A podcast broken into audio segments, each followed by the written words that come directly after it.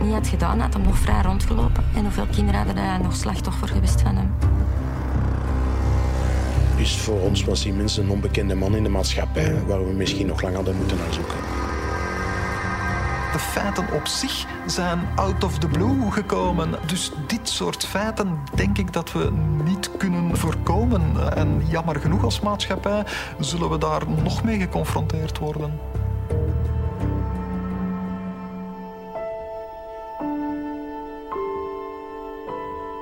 We gaan terug naar 24 juni 1999. Op die dag werd Steve Vissers, een jongen van 12 uit de Antwerpse gemeente Deurne, willekeurig van straat geplukt en op een gruwelijke manier vermoord. We gaan na wat er die bewuste dag precies gebeurd is. Dat doen we aan de hand van de getuigenissen van speurders en van de ouders van Steve. En we praten met een vriendin van de dader die een cruciale rol heeft gespeeld in zijn ontmaskering. Je luistert naar De Kroongetuigen, een podcast over moord in Vlaanderen. Dit is aflevering 3, de kindermoord bij het Sportpaleis.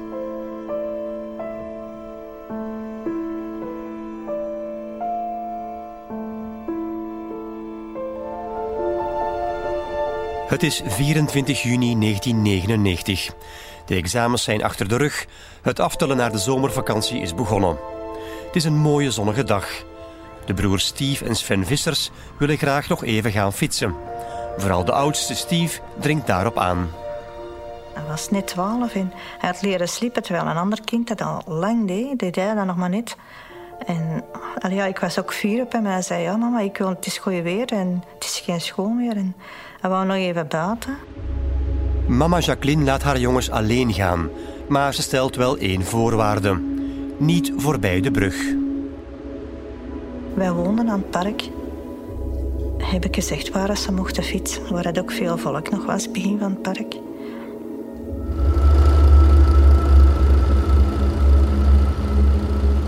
Jacqueline vertrouwt haar zonen, omdat de oudste Steve op die leeftijd al een verantwoordelijke jongen is. Onze Steve, dat was... Uh... Een rustiger.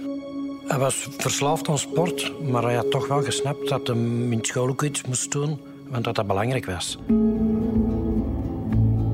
Het waren twee verschillende jongens. Hè. Steve de rustige en Sven was echt ja, een wielenwal. Steve en zijn jongere broer Sven spelen vaak samen, ondanks het leeftijdsverschil. Hoe schieten twee jongens op? Die, die twee jaar schillen, die kunnen elkaar niet missen en die kunnen elkaar niet hebben. Ik denk dat dat typisch is bij mannen van die leeftijd. Als ze samen waren, deden ze altijd wel hetgeen dat de andere niet wou. En, en, was niet dat ze constant reuze maken, maar dat was regelmatig dat het een beetje botste. En langs de andere kant konden die elkaar niet missen, ook niet. Als ze het gingen uitsteken, dan waren twee handen op één buik en. De jongens kregen een opvoeding gebaseerd op vertrouwen, met duidelijke regels en afspraken. Ik heb mijn kinderen altijd duidelijk gemaakt wat er kan gebeuren, wat voor mensen dat er ook rondliepen. En ze wisten wat ze mochten. Ongerust was ik niet. Die bewuste donderdag rijden Steve en Sven iets verder dan afgesproken was met hun moeder. Ze waren gewoon curieus. Ze wilden weten naar waar het leidde. Ze zijn gewoon verder gefietst. Ze hadden gezegd van we gaan nog een beetje verder, want we zien daar kinderen spelen. We gaan daar eens kijken. Op dat pleintje, op dat speelpleintje. Een uur later krijgt Jacqueline telefoon. Er was een mevrouw die mij belde en zei van... Ja, hebt u twee jongens, twee kindjes? Ik zeg ja. Uh, ja, ik zou graag willen dat u langskomt. Ik zeg, ja, waarom? Uh... De vrouw aan de telefoon is de eigenares van een doe-het-zelfzaak in de buurt. Ze zei, ja, ik ga eventjes een van de twee jongens geven. En dan kreeg ik Sven. En ik herkende direct zijn stem, maar hij was zo in de war. Dan was, ik hoorde hem iets zeggen over een, een man en een mes en, en Steve, maar ik, ik kon niks uh, aan breien. Ik zeg, Sven, houd je kalm, leg gewoon neer, ik kom naar daar. En toen uh, zag ik al een politiewagen staan en dacht van ja, Sven heeft weer iets uitgestoken. Het is weer zover. Het was nog maar kort geleden dat hij zo een vuilbakje in brand had gestoken samen met een grotere jongen. Hij wou mee stoer doen en en ik ga daar naar binnen. Ik wou daar al beginnen uitvliegen tegen hem. Of zo, dat? Zwarte schoenen. Zwarte schoenen. En plots, want de eerste viel mijn Frank niet. Ik zeg, waar is Steve? En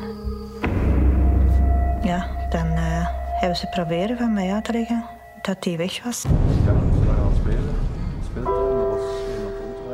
Was En bier dat gewoon allemaal zwart voor je ogen. Dat is zo een wereld dat instort.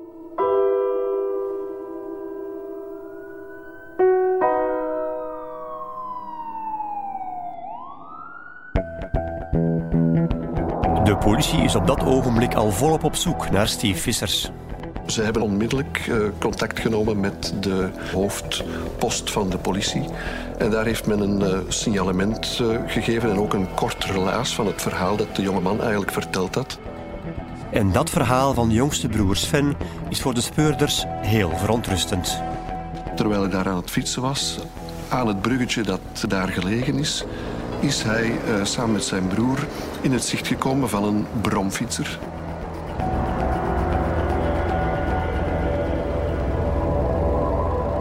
En die bromfietser die uh, reed zijn broertje aan. En die heeft zich verontschuldigd aan Steve en uh, gezegd van kan ik wel helpen? Heb je bezeerd? En Steve had gezegd nee, alles is oké. Okay. Ik heb gedaan. En die man zei van ja, kom mee, ik zal mee met u naar een dokter gaan. En Steve zei van nee, alles is oké okay met mij, het gaat wel, uh, wij moeten door. En dan heeft die man zijn mes boven gehaald. Een vouwmes, of een dolk zelfs, zo heeft hij het omschreven. En met die dolk heeft hij zijn broer bedreigd en uh, hem verplicht om plaats te nemen achter hem op de bromfiets. Ja, terwijl aan Sven had gezegd van... Uh, waar woon jij? En Sven had gezegd, ja, naar daar. Dan, zegt, heeft hij gezegd van, dan gaat u de andere kant uit. Weg.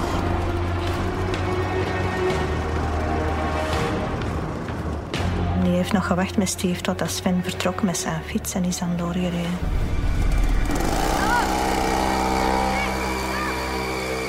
Dit is het laatste beeld dat Sven zag van zijn oudere broer. Sven was negen jaar. Je kunt niet op tegen zo'n mannen. Zeker niet als ze bedreigen met een mes.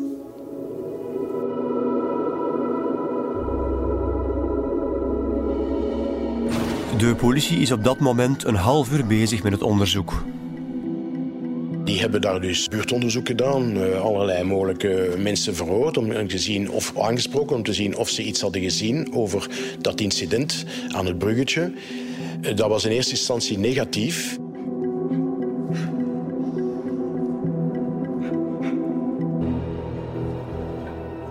Ze zijn bij mij thuis een, school, een schoolbloesje van hem gaan halen dat hij kort daarvoor aan had.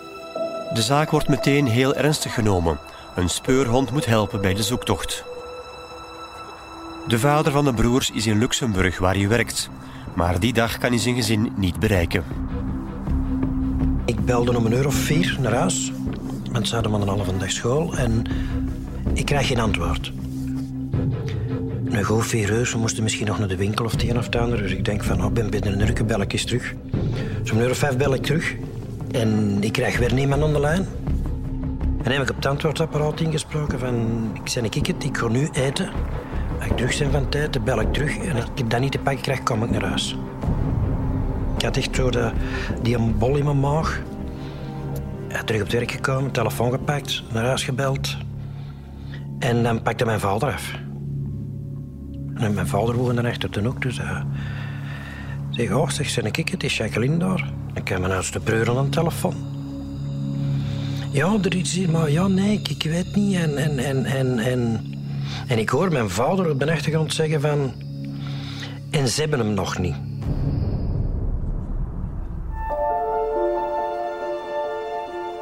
Aan de hand van een kledingstuk van eh, Steve Vissers vond de speurhond als eerste een eh, lichaam aan een grote boom, verstopt door allerhande struikgewas langs de schijn.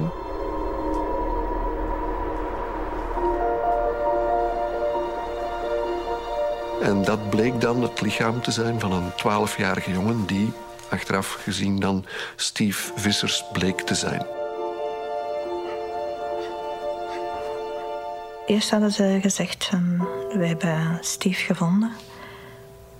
Um, ze komen ze beetje meer uitleg geven.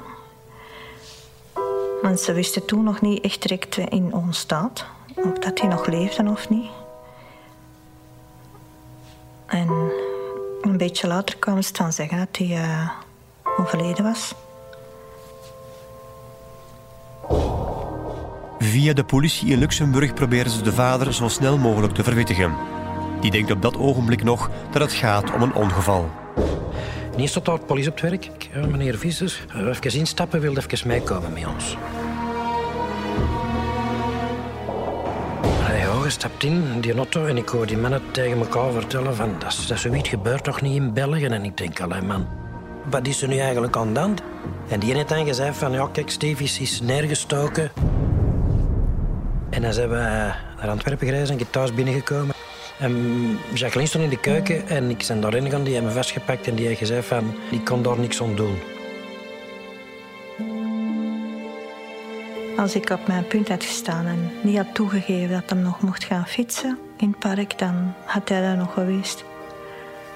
En met dat schuldgevoel blijf ik zitten. Ook al zeggen ze honderdduizend keer dat het niet mijn schuld is, ik niet kan ontdoen, maar dat is toch wel, uh, daar blijf je toch wel mee zitten. Het gaat nu officieel om een moordzaak. De gerechtelijke politie is snel ter plaatse. Ik zag daar dus een jongen liggen op zijn rechterzijkant. Zowel zijn eh, broek als zijn onderbroek waren naar beneden getrokken. En wij zagen onmiddellijk dus bloed op zijn dij. Wij zagen ook een voetspoor van een zware zool op zijn dij. En dan bemerkten we ook onmiddellijk uh, drie messteken in de hals. Ook een rechteroog dat dicht was en ook uh, bebloede mond, waarbij wij ook zagen dat er al een tand uit was. Achteraf heb ik vernomen dat er elf messteken in zijn lichaam had. Dus. Er moet enorm veel kracht gebruikt zijn. Ik hoop echt dat hij niet heeft afgezien, maar ik denk nou wel kan niet anders. Een kind dat eerst nog verkracht wordt en...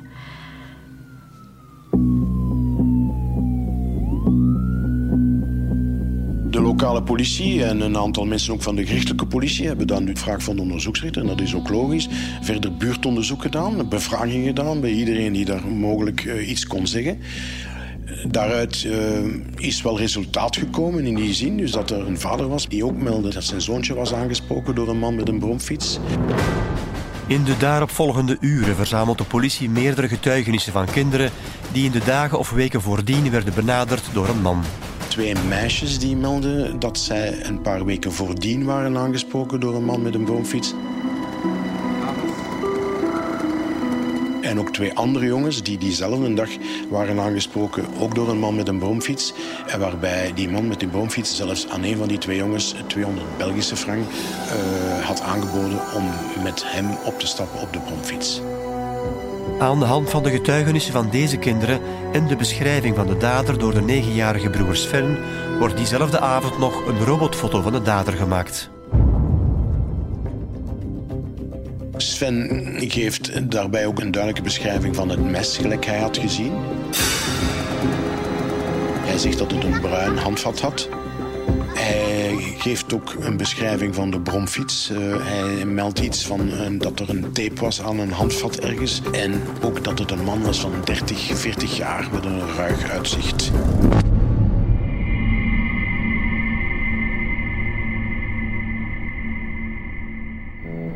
De 12-jarige Steve Vissers wordt op zijn fiets aangereden door een bromfietser en onder bedreiging van een mes ontvoerd.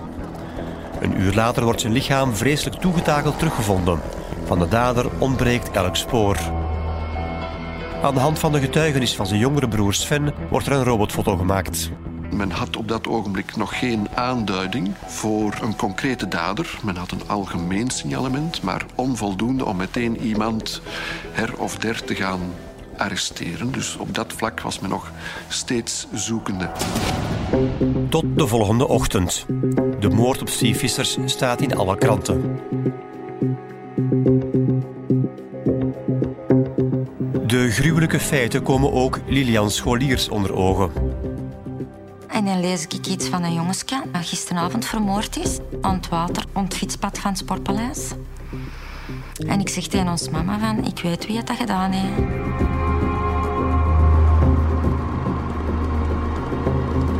Op een gegeven moment, rond 12 uur, krijg ik een telefoon van een collega van de lokale politie. Die een, uh, nogal een bizarre telefoon had gekregen van een dame. Die een melding wilde doen van iets dat zich had voorgedaan de dag voordien. Dus de donderdag uh, in de late namiddag. Het telefoontje was van kroongetuige Lilian Scholiers. Ze wordt doorverwezen naar het dichtstbijzijnde politiekantoor voor haar verklaring. En dan vroegen ze mij wat er gebeurd was. Ik zeg, ik heb eerst een vraag, zeg. Ik zeg, is die kleine seksueel misbruikt? Ik zeg. Ik zeg, die heeft iets gedaan hè, met die kleine, op seksueel vlak. En normaal mogen ze het niet zeggen, zei ze. Maar ze deden toch teken van ja. Ik weer mottig op dat moment. Lilian vertelt dan haar verhaal van de dag voordien. Ze was samen met haar vriend op bezoek bij Lydia, de vrouw van een zekere Danny Immens. Rond half zes waren ze samen aan het wachten op Danny, die zou thuiskomen van het werk. We waren gewoon aan het praten geweest dat Lydia telefoon kreeg. Dat haar, man, allee, haar vriend dan wel later zal komen. Dat hem nog een pintje ging pakken in het café Slachthuis. Na een tijd zijn ze wat terug aan babbelen en ineens ging die telefoon terug. We hebben haar kunnen achterhalen, dat was 17.43 uur dat zij een telefoon kreeg van haar echtgenoot, want daar stond op schatteke. Lydia neemt op. Ze vraagt aan Danny, ja, wat is het? Maar Danny reageert niet. Dus ja, Lydia was aan het roepen. Danny reageert nog niet. En dan heb ik mijn telefoon overgenomen en aan het roepen geweest. Geen gehoor, alleen maar grozemoes. En dan uh, heb ik horen zeggen en stikt hem erin. Op de deur heb ik een telefoon terug aan Lydia gegeven en dan is zij eigenlijk ingehaakt. De gsm zat tijdens die oproep in de broekzak van Danny Immens. Wij hebben nadien kunnen daaruit besluiten dat dus de echtgenote eigenlijk live uh, de moord mee aan het maken was. Een half uur na dat rare telefoontje komt Danny Immens thuis. De deurbel ging. Ik zeg tegen Lydia, ik zal ik wel open doen. Die deed de deur open en een Danny die zei kom opzij en die reed de brommer binnen. En ik zag dat een Danny zijn handen vol bloed had.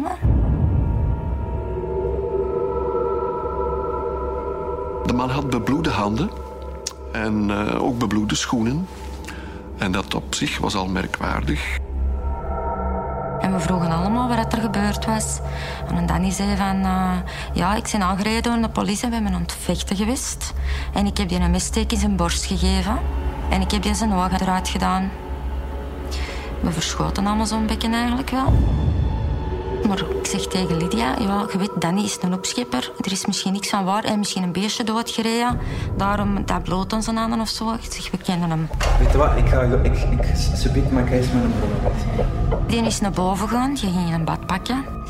En na een lange tijd kwam hem naar beneden. En we waren juist eten. En Danny zei dat hij niet ging mee eten. En hij is naar op de zetel gelegd. En is in slaap gevallen het afwas en zo gedaan was, ben ik met Frankie naar huis gegaan. Maar mijn gevoel het was niet goed. Er, zich, er klopt iets niet.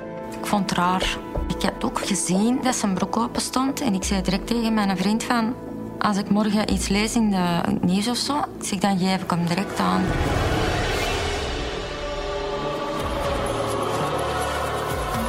Dat was inderdaad een gouden tip.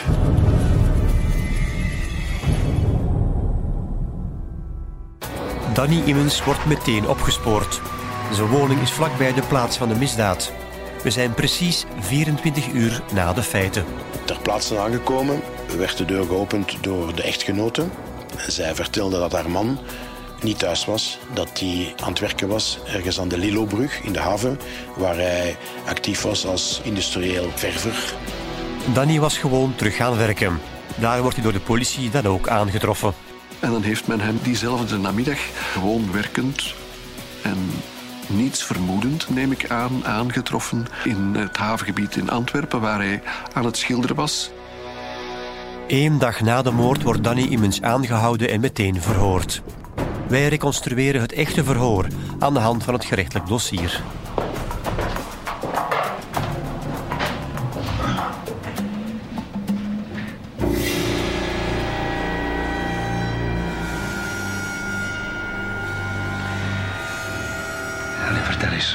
Wat zijt je gisteren opgestaan? Om half zes, dat doe ik alle dagen. En hoe laat vertrekt je dan naar je werk? Twintig na zes. En ehm, hoe gaat je naar je werk? Met een brommer. Beschrijft die een brommer eens? Ik heb een Honda Camino. Welke kleur? Mauve. Je wilt ook weten hoe rap dat hem gaat? 80. Dat is straf, hè? Op datzelfde moment wordt er een huiszoeking gedaan. De collega's van de gerechtelijke politie vinden dan bij de huiszoeking inderdaad de bromfiets achteraan in een kot.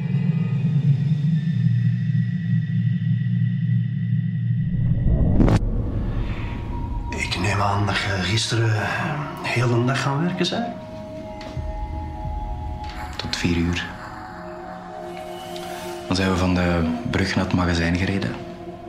Dan hebben we de camionet leeggehaald. Ik heb mij omgekleed en daarna ben ik nog een pint gaan pakken. Waar? Café Slachthuis.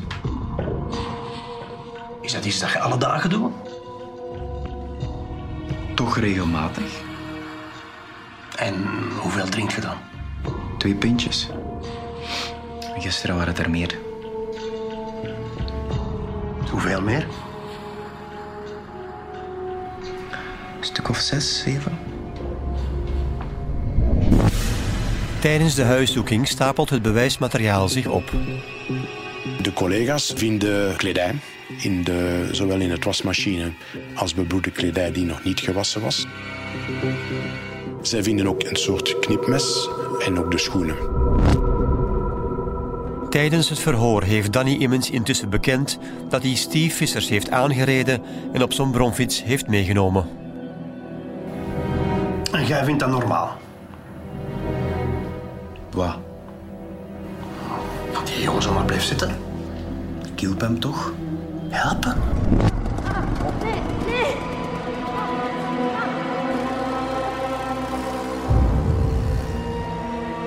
Dat niet af, hè? Hoezo niet? Omdat ik die met mijn linker onderarm achter zijn rug vast had. Of anders zou hem eraf vallen. Hij is er uiteindelijk ook afgevallen. Uitgerekend in de bosjes.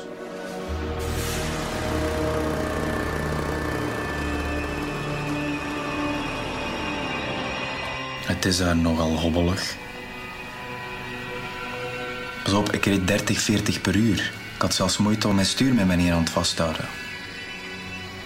En uiteindelijk heb ik die moeten loslaten, ja, en toen is hem gevallen. En dan?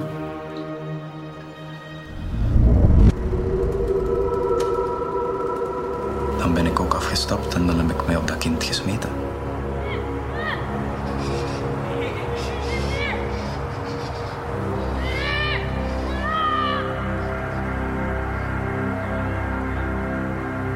En heeft die jongen zich niet verweerd?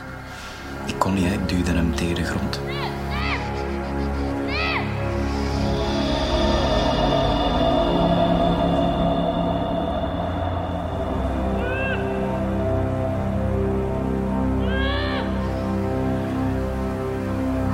En mijn rechterhand was nog vrij en daarmee heb ik zijn broek naar beneden getrokken en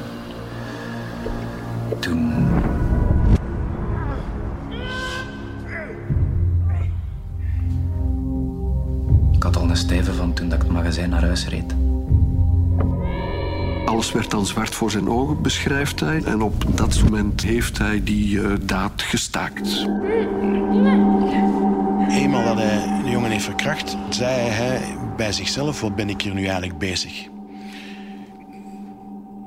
En dan heeft hem de jongen in een klemgreep gepakt. En dan heeft hem in zijn binnenzak het knipmes uitgehaald en Steve gestoken.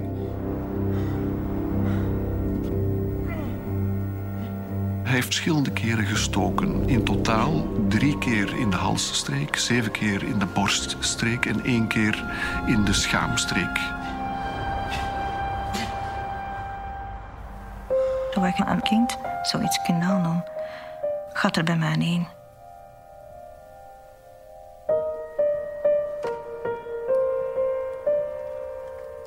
Hij moet afgezien hebben, denk ik wel.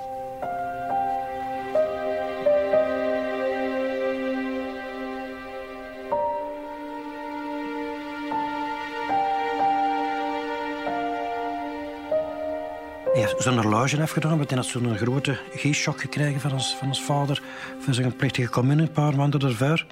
Die heeft hem afgedaan voor hem beter te kunnen vastpakken. En dan heeft hij hem doodgestoken. Ik heb enkele foto's gezien die genomen zijn als ze Steve gevonden hebben. En het was verschrikkelijk bloed en, en, en het is uh, nog waanzinnig geweest.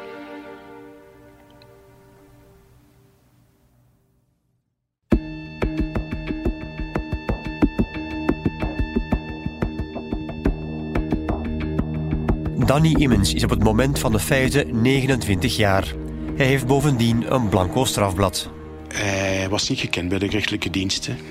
Dus voor ons was Immens een onbekende man in de maatschappij... waar we misschien nog lang hadden moeten naar zoeken. Op het werk van Danny Immens wordt er vol ongeloof gereageerd op zijn arrestatie. De industriële schilder stond bekend als een harde werker. Immens is ook al 15 jaar samen met zijn vriendin en is zelf vader van een zoontje van vier. Zijn echtgenoot zegt dat hij een goede vader was na zijn vierjarig zoontje. En Danny was eigenlijk dikwijls veel gaan werken. Hij zag zijn zoon niet altijd heel veel. Maar dat hij wat vroeger thuis was en hij kon die van school gaan hem die mee van school halen. Ik was er toch mee bezig. Ja. Dan begon hem die soms eens af te kittelen of zo. Ja. Danny Immens vertoonde voor zijn directe omgeving geen afwijkend gedrag. Op seksueel vlak is het opvallend in dit geval uh, dat er eigenlijk geen voorgeschiedenis is op dat vlak. Hij heeft een langdurige, stabiele relatie met zijn partner, uh, waarbij dat de seksuele relatie ook normaal was. Lydia en Danny hadden een goede relatie. Dat was zijn werk kwam, dat was altijd een kusje, soms een knuffel. En die had hem bij Lydia passeren of zo kwam, maar soms over haar rug en zo. Ja, dat was altijd zacht tegen Lydia. Hem gedronken had, kon hem wel agressief doen. Hij had wel een aantal incidenten gehad tijdens zijn jeugdjaren. Eén keer dat hij eens met een riek naar een leraar heeft gegooid en een lerares met naar de keel heeft gegrepen. Eén keer is hij van school gestuurd omdat hij een eh, opvoedster bedreigd had met een mes. Omdat ze hem de dag voordien niet had toegelaten na de afwas een wandeling te gaan maken. En hij had op dat moment meteen gedreigd dat hij haar van kant zou maken. Hij slikt heel veel, maar hij kropt het allemaal op. Hij stapelt het op. En als dan op een zeker ogenblik de druk zo hoog wordt, dan krijgen we een, een uitbarsting, een ontploffing die totaal buiten verhouding is ten opzichte van hetgeen dat er op die ogenblik aan het gebeuren is. Een paar dagen na zijn arrestatie wordt Danny Immens uit de gevangenis gehaald voor verder verhoor.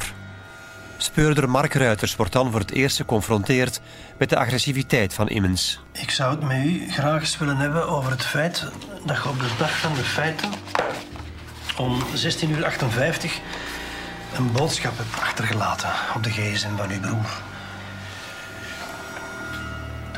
Ik heb mijn broer helemaal niet gebeld. Oh, jawel, je hebt een boodschap achtergelaten. Wat had je dan te bespreken? Maar niks. Waarom heb je dan gebeld? Maar ik heb hem niet gebeld. Zal ik het u laten... Hé, hey, ik heb hem godverdomme niet gebeld. Rustig, vriend, rustig. Hij staat recht en hij komt dreigend op mij af en hij raakt mij eventjes. En gelukkig, ik zat op een bureaustoel met wieltjes. Ik kon vrij vlot naar de deur van mijn kantoor uh, rollen, waar ik dan om hulp heb gevraagd. Als je mij kwaad krijgt, echt kwaad, dan zou ik maar gaan lopen. Dan smijt ik die bureau naar jouw kop. In de gevangenis is er nu ook zo'n gast mee aan het treiteren, maar ik laat hem doen.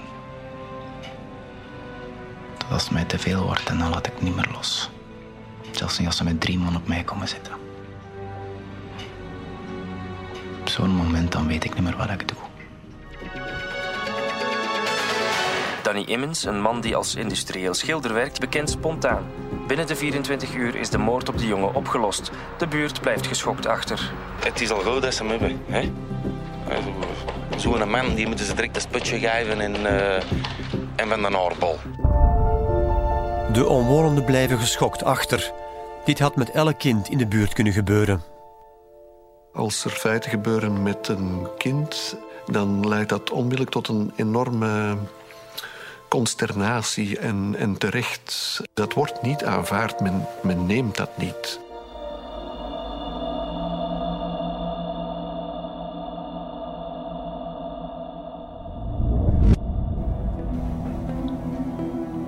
Danny Immens heeft de moord snel bekend. Maar over de details van die namiddag verlopen de verhoren heel moeizaam. Dus had dat mes vast en... Dan heb ik gestoken. Drie keer. Niet, man.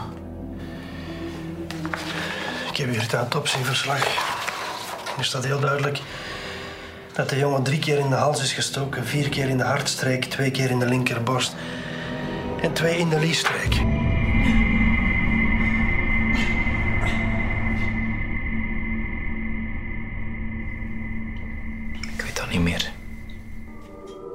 Wanneer er gesproken wordt over de kwetsuren die Steve had aan zijn oog en aan zijn tand, waarbij dat toch ook moet geslagen of gestampt zijn geweest, dan zegt hij: Ik weet het niet. Je beweert dus dat je in één keer van niks meer wist. Ja. Kom on, de bewijzen zijn hier. Ja, op een bepaald moment is het gewoon allemaal zwart geworden voor mijn ogen. Dat is alles. Om snel meer duidelijkheid te krijgen over wat er zich precies heeft afgespeeld, besluit de onderzoeksrechter na een paar dagen over te gaan tot een reconstructie op de plaats van de misdaad. Voor de reconstructie van de moord op Steve Vissers zet het gerecht vanmiddag de grote middelen in. De man zelf kreeg niemand tijdens de wedersamenstelling te zien. Wij tonen de echte beelden van Danny Immens die het gerecht maakte tijdens de reconstructie. Je hebt bij andere wedersamenstellingen dat uh, een dader emoties vertoont en het moeilijk nog kan dat hem daarmee zit. In dit geval was dat niet zo. Danny Immens blijft erg kalm en toont nauwgezet wat hij met Steve Vissers heeft gedaan. Hij toonde geen emoties. Hij toonde vrij vlot hoe hij het mes uit zijn zak haalde, hoe hij dan stak.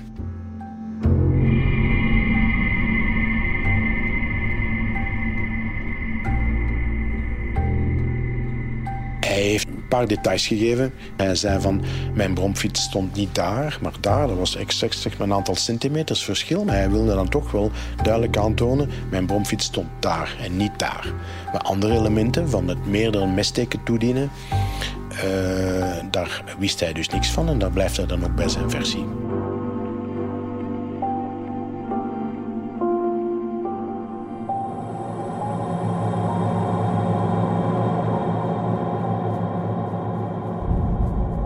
Ook na de reconstructie blijven er nog heel wat vragen over het hoe en het waarom van de gruweldaad. Wat was het motief van de dader? De wedersamenstelling heeft alleen de versie van de beschuldigde bevestigd. Dat wil zeggen, hetgeen dat hij zelf kwijt wou. Hè. Met betrekking tot het motief moeten we toch een beetje in het duister tasten. Hij heeft verschillende versies gegeven. Er was dus stress. Hij heeft zich dat wij van spreken moeten afreageren. Hij had problemen op zijn werk, financieel, belastingen. Hij zei ah, dat moest er allemaal uit. Bovendien heeft Danny Immens een groot deel van zijn jeugd in instellingen doorgebracht. Naar eigen zeggen is hij in die periode verschillende keren zelf misbruikt. Als die twee zaken combineren, seksueel misbruik waarbij hij in plaats van de passieve rol de actieve rol op zich neemt en dan de opgestapelde frustratie en agressie, dan hebben we de twee hoofdingrediënten van de feiten. Een week na de moord wordt Steve Vissers begraven. Hij zou die maand nog met het hele gezin naar Luxemburg zijn verhuisd. Met zijn verjaardag had hem voor mij voetbaltenue van de nationale ploeg van Luxemburg. Als Steve zei van ja, ik zal dat nooit voor de Rode Duivels kunnen spelen, maar dat is niks, dan ga ik maar bij, bij Luxemburg in de nationale ploeg shotten. Hij zei, dan kunnen ze roepen van ja, van Steve Visser. Een begrafenisondernemer zei van, is er iets speciaals dat we wilden aandoen voor de begraven? Hadden we met twee zoiets van, doe hem die, die uniform aan, die, die voetbaltenue voor Luxemburg.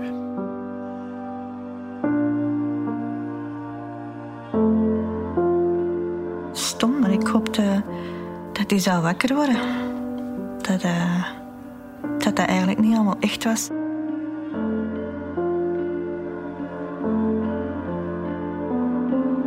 En vanaf dat ze daar uh, een steen op legden op zijn graf, dan wist ik dat ik hem niet meer ging terugkrijgen. Dat was het, voor mij het einde. Ik denk dat het onbeschrijfelijk is om het lijden van de ouders te kunnen beschrijven. Het verliezen van een kind, het verliezen op die manier van een kind. Denk voor heel dat gezin, heel die familie, grootouders. Ja, dat zijn van die zaken die men uh, ja, nooit wil meemaken. En als men ermee geconfronteerd wordt, denk ik eerlijk gezegd nooit echt kan verwerken. Heel de familie is kapot van verdriet. De jongere broer Sven kan de situatie niet vatten. Ja, zijn mama had niet liever gehad dat ze mij hadden meegenomen. Dat, zo, dat raakt zo hard. Zei dat misschien beter geweest dat hij mij had gepakt dan is Steve. En ik zeg, mama, waarom? Hij zei ja, dan was Steve er nog geweest.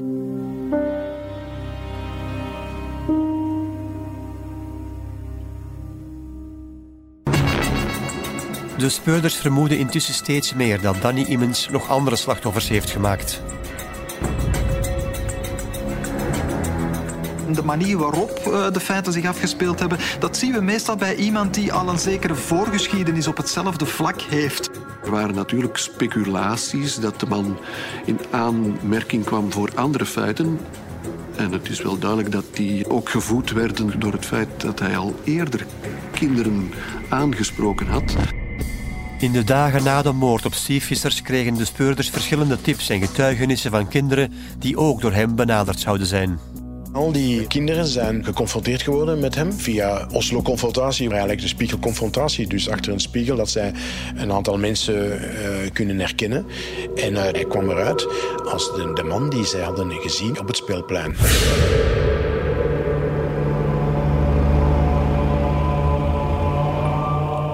Was het duidelijk dat Danny Immens zoekende was naar een uh, jong slachtoffer.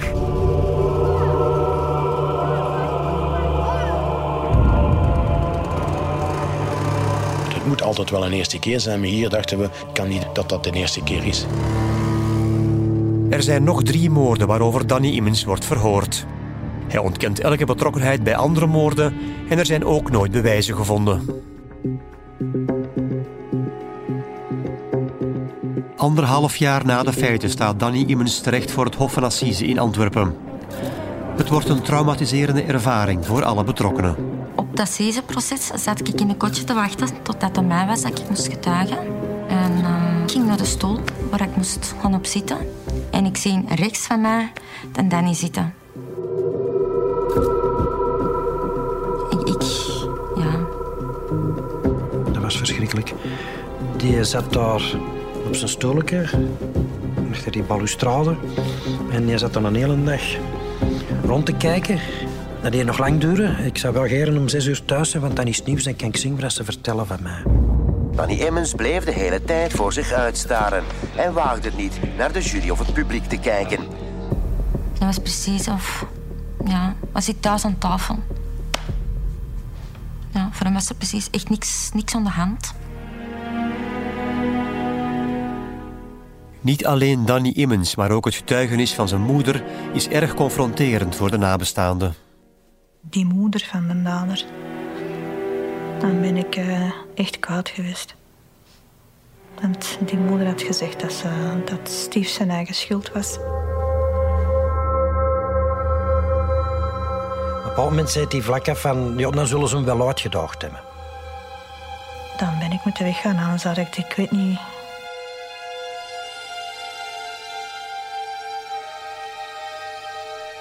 Ik snap dat de moeder Ze komen zeggen, zoon heeft iemand vermoord. Ik denk dat dat waanzin moet zijn. En zeker voor een moeder, dat is iets, iets, iets, iets, iets, iets verschrikkelijk. Maar ik kan me vertellen van onze Danny en een brave en een, en een dit en een dat. En dan had ik ook zoiets van, mens, wat zie je? Vandaag worden in dit assisenproces de speurders gehoord die de dader ontmaskerden. In de loop van de week komen dan de andere getuigen aan het woord. Ondanks de zware beproeving gaan de ouders van Steve elke dag van het proces de confrontatie aan met de moordenaar van hun zoon. Dat was het laatste wat ik voor hem kon doen. Het allerlaatste eigenlijk. Dat was uh, ja, in zijn plaats zeggen uh, dat hij de dader is en dat hij niet meer het recht heeft om nog vrij te komen. Het Hof, na beraadslaging met de rechtsprekende jury, overeenkomstig artikel 364 van het wetboek van strafvordering, veroordeeld beschuldigde immens Daniel Voornoem tot levenslange opsluiting. Gisteren had de jury Danny Immens al schuldig bevonden aan verkrachting en moord. De jury oordeelde dus dat hij het kind van 12 met voorbedachte raden om het leven bracht. Gelet op de ernst van de feiten, een kind dat gedood wordt, vond het Openbaar Ministerie dat het niet anders kon dan dat men de enige straf die het wetboek omschrijft zou vorderen, de levenslange opsluiting.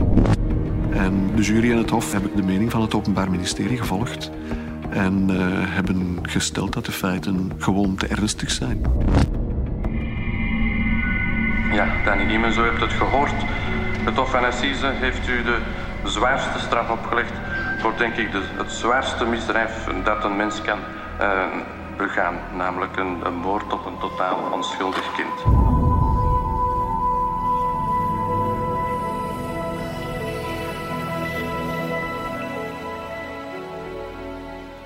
Dus kijk, na 14 jaar denkt hij nog soms van...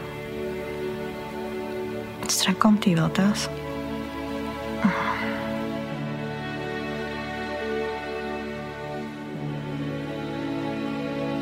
Soms schiet hij wakker van verdorie. Hij weet zelfs niet meer waar we wonen. Als hij moest terugkomen, hij weet niet meer waar wij wonen. Dat is zo, echt zo raar dingen dat je begint te denken. Ik heb hem heel lang verteld dat Steve altijd in mijn kop zit. Die sprong overal tussendoor. Maar je leert dat met leven.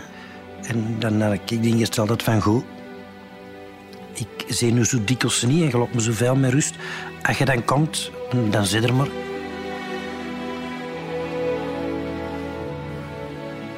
Mijn buik doet continu pijn. Ik heb uh, een leeg en een pijngevoel in mijn buik.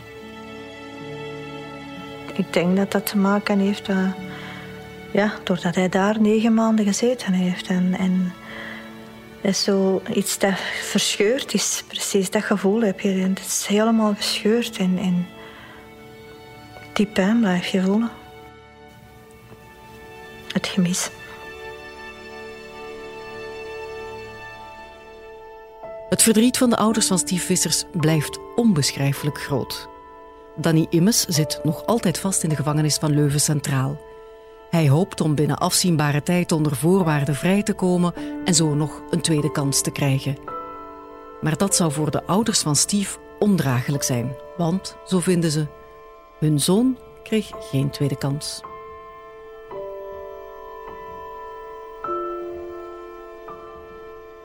Dit was De Kindermoord bij het Sportpaleis, de derde aflevering van de podcast De Kroongetuigen, gebaseerd op de gelijknamige televisiereeks.